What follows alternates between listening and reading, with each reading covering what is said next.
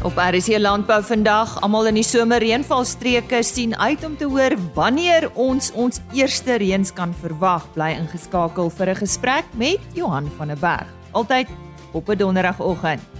Ons gesels oor 'n veiling en dan ook met Theo Boshoff van Agbus oor die meesterplan vir landbou en agro-prosesering. Hierdie plan het van die begin af kritiek ontvang En ons het heelwat navrae oor die meesterplan ontvang. So bly ingeskakel vir daardie gesprek aan die einde van vandag se program.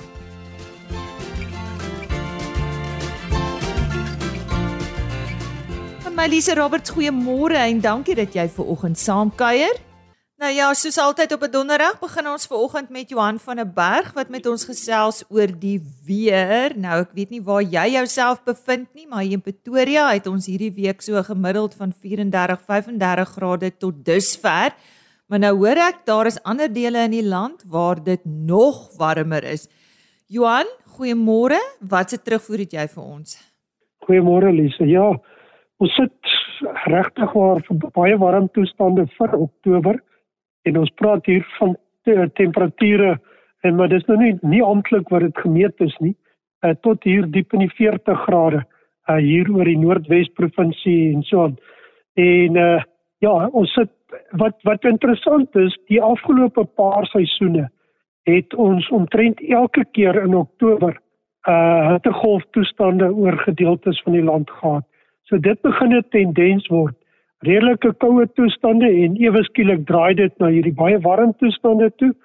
Uh so dit dit is deel van van die klimaat en dit uh, ons het ook gesien dat uh oor tyd is veral Oktober se se dagtemperature besig om te styg wat deel is van klimaatsverandering en globale verwarming dan. So as ons kyk, dit lyk of hierdie redelike warm nie redelike warm temperature nie baie hoë temperature gaan aanhou tot omtrent so by die 13de Oktober. Uh ooste kant toe dalk nie so lank nie, weste kant toe dalk 'n bietjie langer. En ons praat nog hier van tot 40 grade Celsius veral oor die Noord-Kaap en die noordwestelike gedeeltes van Limpopo. So baie warm toestande wat nog voorlê vir die volgende week na 10 dae se kant toe. En almal wil nou weet ook oor die reën. Uh daar is 'n bietjie tropiese volg wat begin afbeweeg hier van ongeveer die 14de Oktober hier oor Botswana, Namibië. Maar dit lyk nog maar na baie ligte neerslag wat oor die Noordwes provinsie Vrystaat, Gauteng uh en dan bietjie suidooswaarts uh oor KwaZulu-Natal en die Oos-Kaap en natuurlik dan oor gedeeltes van Mpumalanga kan voorkom. Maar dit lyk nie asof hier in die volgende 2 weke uh regtig 'n uh, swaar neerslag of goeie neerslag is nie. En lyk dit die beste neerslag maar hier so tussen 10 en omtrent 20 mm. Terwyl ons oor die reën praat, die Oos-Kaap wat die afgelope klomp jare uh oorgeslaan het met reën, is omtrent die enigste provinsie of gedeeltes wat hierdie afgelope paar weke reën gekry het en ons weet rondom Kraddock het dit tot 30 mm gereën Queenstown uh Barkley Oos uh en dan ook meer na die kusgebiede. Nog nie swaar reën nie maar dis ten minste die enigste gebied. Asook dan meer KwaZulu-Natal se kant toe Margate en die gedeeltes het ook 'n klompie reën gehad. So dis waar die reën op hierdie stadium voorkom en as dit gaan reën in hierdie volgende tyd lyk dit asof hierdie gebiede ook die meeste reën gaan kry die volgende klompie week. Nou ja, dis goeie nuus vir hulle. Wat gebeur in die Wes-Kaap, Johan? Nie veel nuus daar nie. Ehm um, dit die is nie goeie nuus nie. Uh want daar is koue fronte wat deurkom, maar baie ligte neerslag, minder as 5 mm, 2-3 mm wat hier na die naweek en einde volgende week kan voorkom. En die grane is nou in 'n baie sensitiewe stadium waar hulle baie vog gebruik. Daar is nie grondvog nie. Uh veral hierdie naweek en begin volgende week warmer toestande.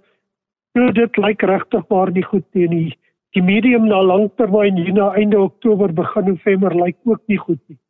So daar gaan skade aan die wintergrane kom uh, uh in, in die finale oes. So dit lyk regtig nie goed die nuus wat nou daar is. Ja. Johan Baie dankie. Nie goeie nuus vandag nie, maar ons vertrou daar is lig aan die einde van die tonnel.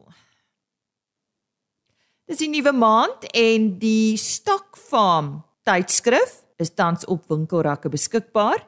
Aan die woord die redakteur Isak Hofmeyer. Dag sê ja, dis weer sulke tyd. Die Oktober uitgawe van Stock Farm is op die rakke. En volhoubaarheid bly maar 'n onderwerp wat ons nie kan ignoreer nie. Een van ons voorblad stories gaan dan juis oor volhoubaarheid en die fokus val op veselproduksie. In die artikel deur Joanne Bester, area bestuurder vir vesel by OVK, val die fokus op die voordele van 'n volhoubare benadering tot veselproduksie.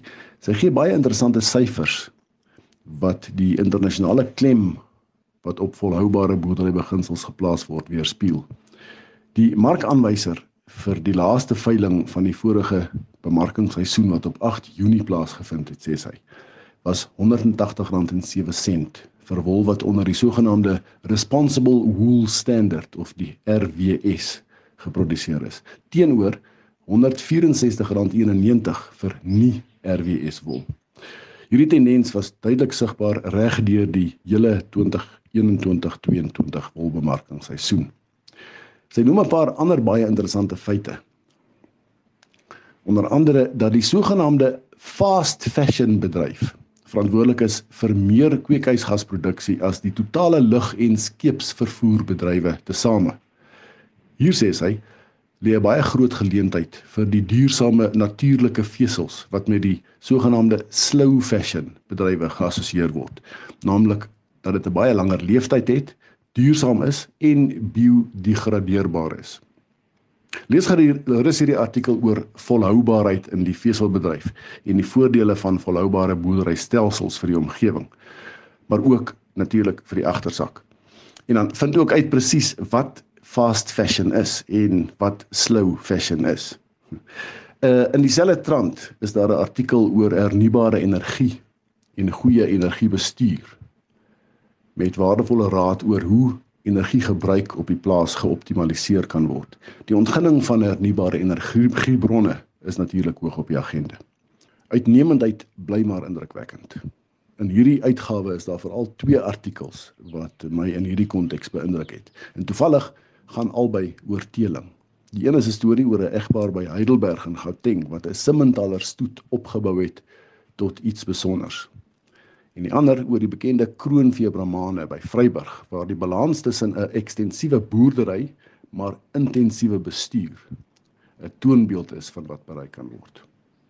Ons fokus ook op kleinboere in 'n paar artikels. Daar is onder andere 'n bespreking oor die maniere waarop kleinboere droogte die hoof bied, 'n projek om die wolwaardeketting in die Vrystaat uit te brei en ook 'n projek deur Tiger Brands genaamd die Tiger Brands Agriculture Aggregator program wat kleinboere ondersteun om te groei en kommersiële skaal te bereik.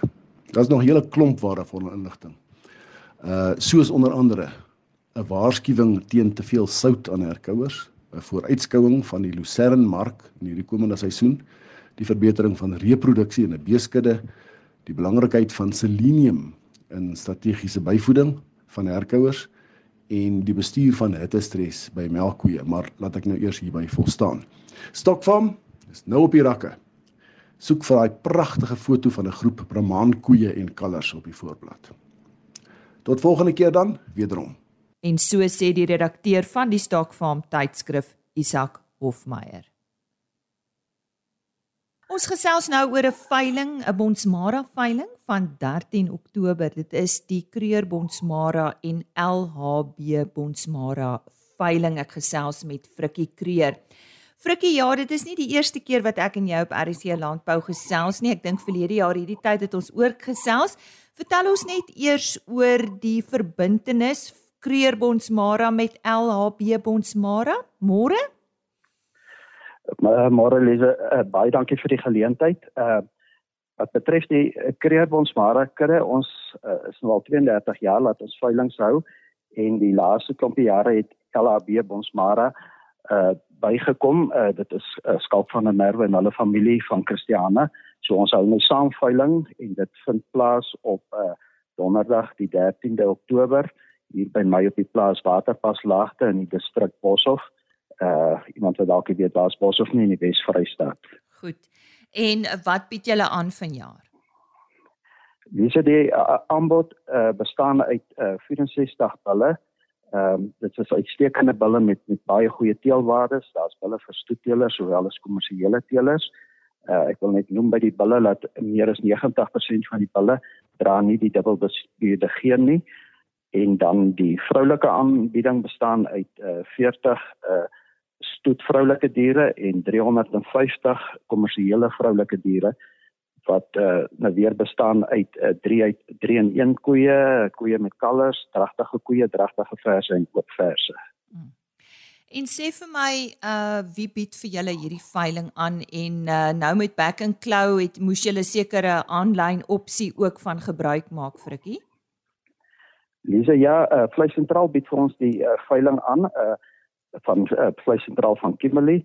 Ehm um, so ons ons uh, maak van hulle gebruik en dan Swiftvee uh, is ons aanlyn uh, diensverskaffer wat ook uh, die dag uh, hier sal wees. En dan wat betref die biosekuriteit, ons pas al reeds 'n geruime tyd streng biosekuriteit maatreëls uh toe geen voertuie of mense word toegelaat op die plaas tensy hulle ontsmet is en die voertuie word ook ontsmet op 'n op 'n sekere punt.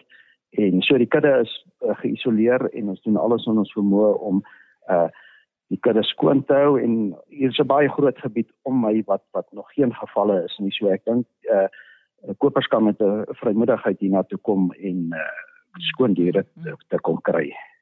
Is julle nog in 'n gebied waar die vervoer van beeste verbied word? Op hierdie stadium nee, uh, die dinge vir vir vir uh, verander elke dag, nee. Elke dag, ja, ja. ja. So uh, ons ons hoop en vertrou dat dit so sal bly, maar op hierdie stadium is daar geen uh, maatreëls wat ons verbied of uh, veiling te hou of om diere te verskuif na die veiling. Maar indien enigiets verander, julle is voorberei. Uh Frikkie sê vir my indien iemand graag meer inligting benodig oor die veiling, uh wat is die beste moet hulle jou kontak? Ja, hulle kan my kontak. Ehm uh, ek dink oral op sosiale media sal hulle ons inligting kry. Uh ek het nou net die skalkse nommer hier in my kop het nie, maar hulle kan my kontak by 083 70 2271 of op enige manier met my kontak maak. Enige persoon is baie welkom met ons te praat. So sê Frikkie Kreer. Hy het vandag gesels oor die Kreer Bonsmara en LHB Bonsmara veiling en dit vind plaas op die 13de Oktober. Sê gee net vir ons weer jou plaas se naam asseblief Frikkie.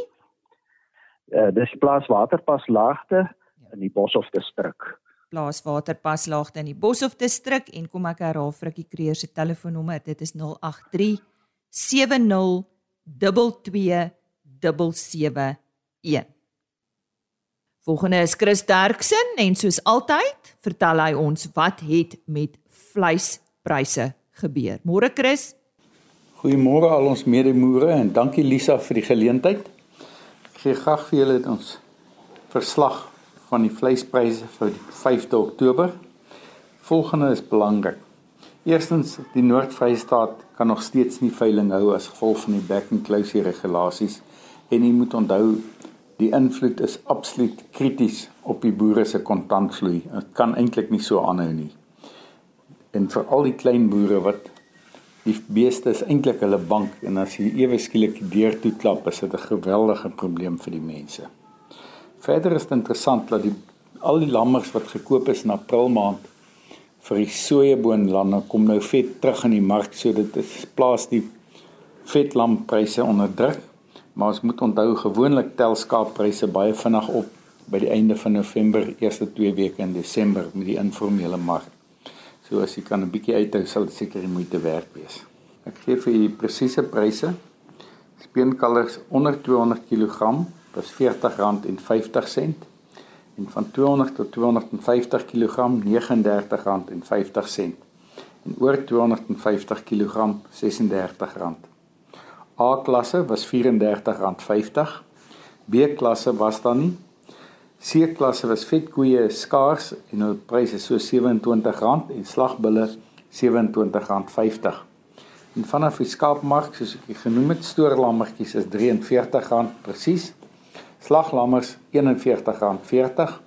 Stoorskape R38 en vetskape R35.40. Die boklammers is baie dieselfde as voorheen, so R55.50 en ooe R47. Indien ons van enige verdere hulp kan wees, skakel maar enige tyd na 08280 75961. Baie dankie. Chris Derksen en kom ek herhaal net daardie webtuiste www.vleisprys.co.za.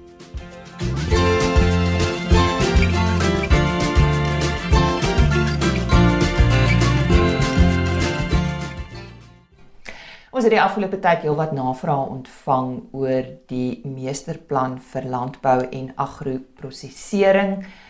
Word dit geïmplementeer? sien ons iets gebeur daaromtrent en daarom het ons uh, vir Theo Boshoff van Agbus gevra om vandag by ons 'n draai te maak in die ateljee. Theo baie dankie dat jy uh, die moeite gedoen het om te kom. Net weer, wat is die doel van hierdie plan? Ja, ek dink is baie baie jy het nodig jy het om, om te praat oor die doel van die plan, maar dan mag daar baie ehm um, jy weet verskillende idees wees oor wat dit moes wees, wat dit nie moes wees nie. Jy weet hoe oorvleuel dit met ander planne wat voorheen was. Maar met die enkelike punt is dit is 'n um, bietjie meer gedetailleerd as van die vorige planne. Byvoorbeeld die die nasionale ontwikkelingsplan wat ons gehad het, het breëweg teikens gestel en is 'n goeie plan en ek en ek glo byvoorbeeld nie dat hier dit weerspreek nie. Hierdie is meer op 'n praktiese vlak om te kyk na in die verskillende verbouings binnekant binnekant landbou. So dit is natuurlik, jy weet, akkerbou, tuinbou, ehm um, jy weet, uh, dierprodukte en natuurlik agriprosesering. Wat se spesifieke inisiatiewe kan mens in plek sit, jy weet, en en nastreef om hierdie teikens wat die wat die nasionale ontwikkelingsplan gestel het, jy, jy weet, um, ja. nou te bereik. So waarop presies fokus die plan? Ja. So die plan, daar is daar's 'n klomp verskillende kwessies. So daar daar is byvoorbeeld beleidskwessies wat oor hoofsgeet vir almal almal raak. Ehm um, jy weet om byvoorbeeld duidelikheid te kry oor waar die onduidelikheid is oor sekere beleidsaspekte.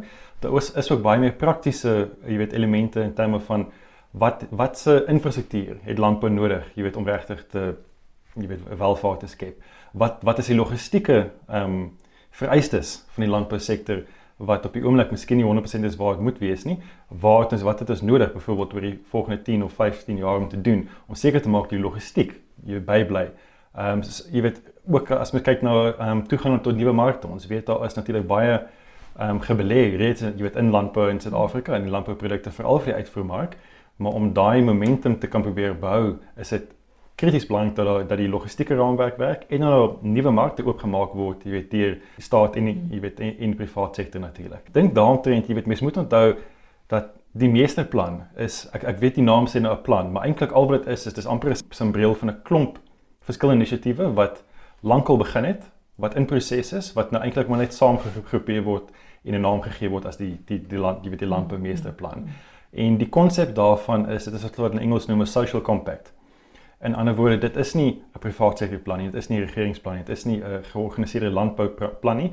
Dit is beding binnekant daai raamwerk van daai verskillende rolspelers. En dit is miskien waar van die ongelukkigheid vandaan kom, is dit daar gaan altyd ehm um, sekere kwessies wees wat vir een party meer belangrik is vir die ander party en op die ouene kom mens maar probeer mens by 'n middelpunt bereik. Ehm um, maar dis maar dis krities belangrik want al daai partye het mekaar natuurlik nodig. As ek nou net praat van byvoorbeeld nuwe markte oopmaak. Dis krities belangrik vir die vir die private sektor, vir al die tuinbou afdeling wat hoofsaaklik uit jy weet uitvoer. uitvoer. Maar dit is nie iets wat private sektor self kan doen nie. Jy weet handelsooreenkomste, vrye vrye handelsooreenkomste, dit is goed wat van een regering tot 'n ander regering beding moet word.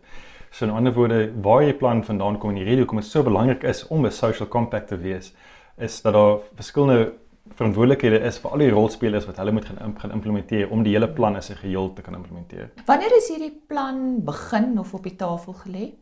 So waar dit eintlik vandaan kom, uh, miskien is 'n stap terug. Johan van Sail van Toyota SA het gekom op 'n stadium, jy weet in dis nou omtrent 10 jaar terug met 'n plan van jy weet hy daai stadium na die president gegaan en sê as ons die jy weet automobile jy weet mobielvervaardigers in Suid-Afrika regtig tot die volgende vlak wil vat in die volgende 5 jaar hier is die kernelemente wat ons nodig het.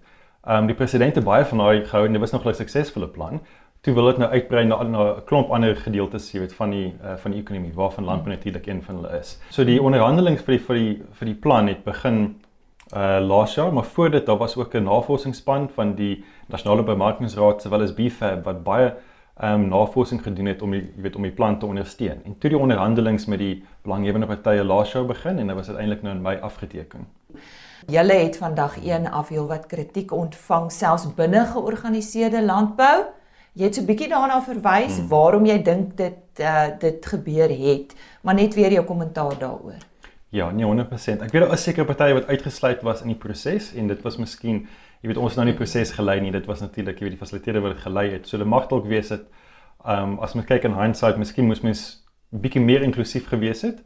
Jy weet net glo dis dis potensiële fout. Jy weet en dit is dit is jy weet definitief 'n area waar mens waar kritiek kan kom. Maar terwyl van die inhoud van die van die plan. Ek dink die kritiek ontstaan eintlik miskien maar net van 'n wanpersepsie jy weet dat dit 'n private sektor plan of 'n regering plan is. So dit gesê dit word geonderhandel. So daar gaan daar gaan elemente wees wat miskien vir die private sektor nie so belangrik is nie, maar georganiseerde arbeid byvoorbeeld baie baie belangriker. Of die ontwikkelende sektor um, transformasie kwessies wat uiters belangrik is vir hulle, wat natuurlik op die tafel gaan sit. Miskien gaan almal nie 100% gelukkig wees met al die jy weet vereistes nie. So die punt is mens moet tot 'n middelpunt kom. So ek ek is van die mening dat as enige van die partye of dit nou arbeid, besigheid of die regering 100% gelukkig was met die plan, dan sou dit 'n groot mislukking gewees het want dit beteken die ander die ander gaan nie gelukkig daarmee wees. So mens moet ergens 'n middelpunt vind en ek glo tog as jy kyk eintlik die die kernbeginsels van die plan is dit is uh wat hulle noem 'n waardeketting benadering gevolg. En dan van jy begin, waar is die hoe skep mense die vraag? Hoe kry mense die mark om 'n vraag te skep? Wat is alles nodig, jy weet, om die daai vraag deur te trek na primêre landbou toe? So volg 'n totale waardeketting um, benadering en dit is gegrond op op suiwer ekonomiese beginsels. Jy weet veral ek dink die navorsingsspan van BFAB wat um, wat baie van die jy weet die die beginwerk gedoen het, het uitstekende werk gedoen om in elke een van daai landbouvertakkings in te gaan en regtig wat hulle noem 'n deep dive doen. Dis sien wat is presies nodig? Wat is realistiese teikens vir groei? Watse vereistes gaan 'n plek moet wees as mens daai daai groei wil bereik? So ek glo eintlik dat ehm um, jy weet die kritiek, ek ek verstaan van die kritiek, maar dit is 'n lang dokument, dit is 'n ingewikkelde dokument, so ek sien enigiemand aanraai om dit in detail te gaan lees. Ja. Ehm um, voor hulle kritiek lewer. Dis dalk waar die eh, kritiek vandaan kom oor die feit dat die plan te omvattend is. Hmm. Ons benadering van eintlik weet hoe implementeer iets wat so groot en so omvattend is. Is, is jy moet dit maar afbreek in klein stukkies.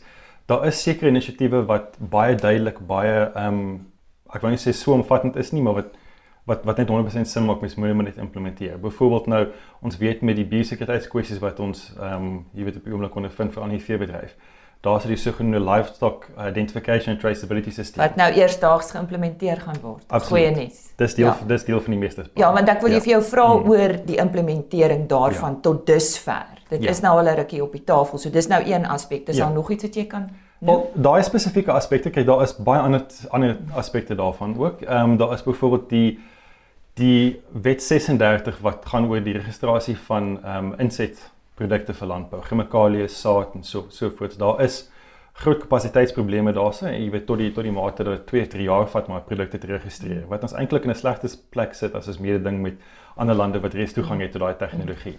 Dis weer eens, dis 'n baie ehm um, baie gefokusde ehm um, jy dink waar die meeste plan fokus. Van die ander en dis miskien waar die kommentaar kom dat meer omvattend is. Is 'n klein bietjie vaag kwessies soos nuwe markte, watse mark, hoe kry ons toegang tot die markte, wat is die spesifieke vereistes om toegang te kry? Logistiek, jy weet die baie ehm um, spoorweë hawens. Dit ja. dis baie omvattend, dis baie groot, maar ja. daar is baie werk wat reeds gedoen word uh, om daai Noem vir ons so een of twee? Wel onder onder andere met Transnet, jy weet, ek bes is dit is nou besig met MOU met Transnet te te sluit waar mens in in diepte kyk na elke een van die vertakkings net om te meet wat is die potensiaal van waar tot waar om ehm um, jy weet op op spoor te skuif om om van die goed weer van die pad af tot spoor te vat? Wat se kapasiteit is nodig in die hawens? Uh koelkamers by die hawens byvoorbeeld. Jy vat amper die hele logistieke uh netwerk van die produksieareas tot die hawens waar dit uitgevoer is en te sien waar is die swakpunte wat en wat is wat is nodig wat jy weet in terme van werklike syfers wat se kapasiteit is nodig en dan kan Transnet mark toe gaan om belegging te kry of in privaat sektor of in die staat jy weet of van ander maatskappye. Mm. So baie van daai werk, baie van die meeste plan se werk is besig om geïmplementeer te word. Baie van dit kom nog voor die meesterplan. Dis nou eenvoudig maar net om dit onder een simbool te, te sit en 'n naam te gee. Dink jy daar word dalk nie genoeg gekommunikeer hieroor? Die feit dat dinge gebeur nie. Nee, absoluut. Want mense wil dis dis ek dink dis waar die vraag vandaan kom is die feit dat goed, maar sê vir ons wat het al gebeur tot ja. dusver. Ja. Ek ek dink daai kop daai kopskuif is nodig want um, as ek kyk na vorige prosesse soos Operation Pakisa byvoorbeeld, ek dink daar was die aanname om te sê ons het ons het 'n goeie plan, ons het 'n fantastiese plan die staat moet asseblief implementeer. En ek dink dit is dis onrealistiese verwagting.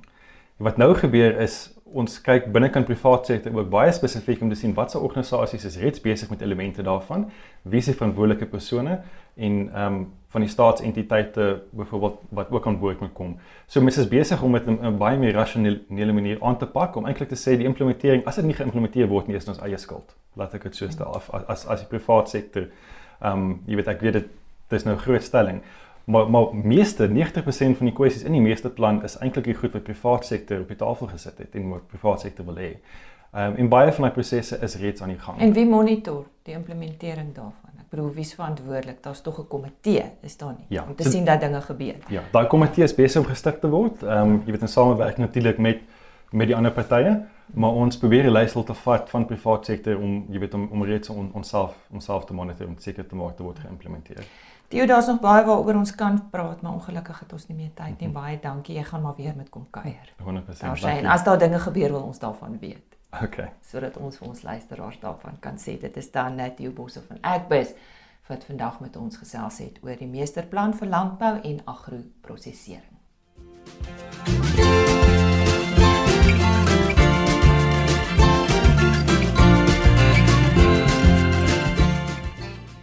Dan die einde van my kuier saam met jou vir hierdie week. Onthou môreoggend, RC Landbou vanaf die Departement Landbou in die Wes-Kaap. Ek is weer maandagooggend om 5uur terug. RC Landbou is op rsg.co.za as potgooi beskikbaar, alternatiefelik agriorbit.com. Daar word ons onderhoude ook gelaai. www.agriorbit.com. Dan sluit ek af met 'n e-posadres: rsglandbou@ by plaasmedia.co.za. Wens jou goeie naweek toe en uh die res van die week, hou maar uit. Die naweek is naby. Totsiens. RSG Landbou is 'n plaasmedia produksie met regisseur en aanbieder Lize Roberts en tegniese ondersteuning deur Jolande Rooi.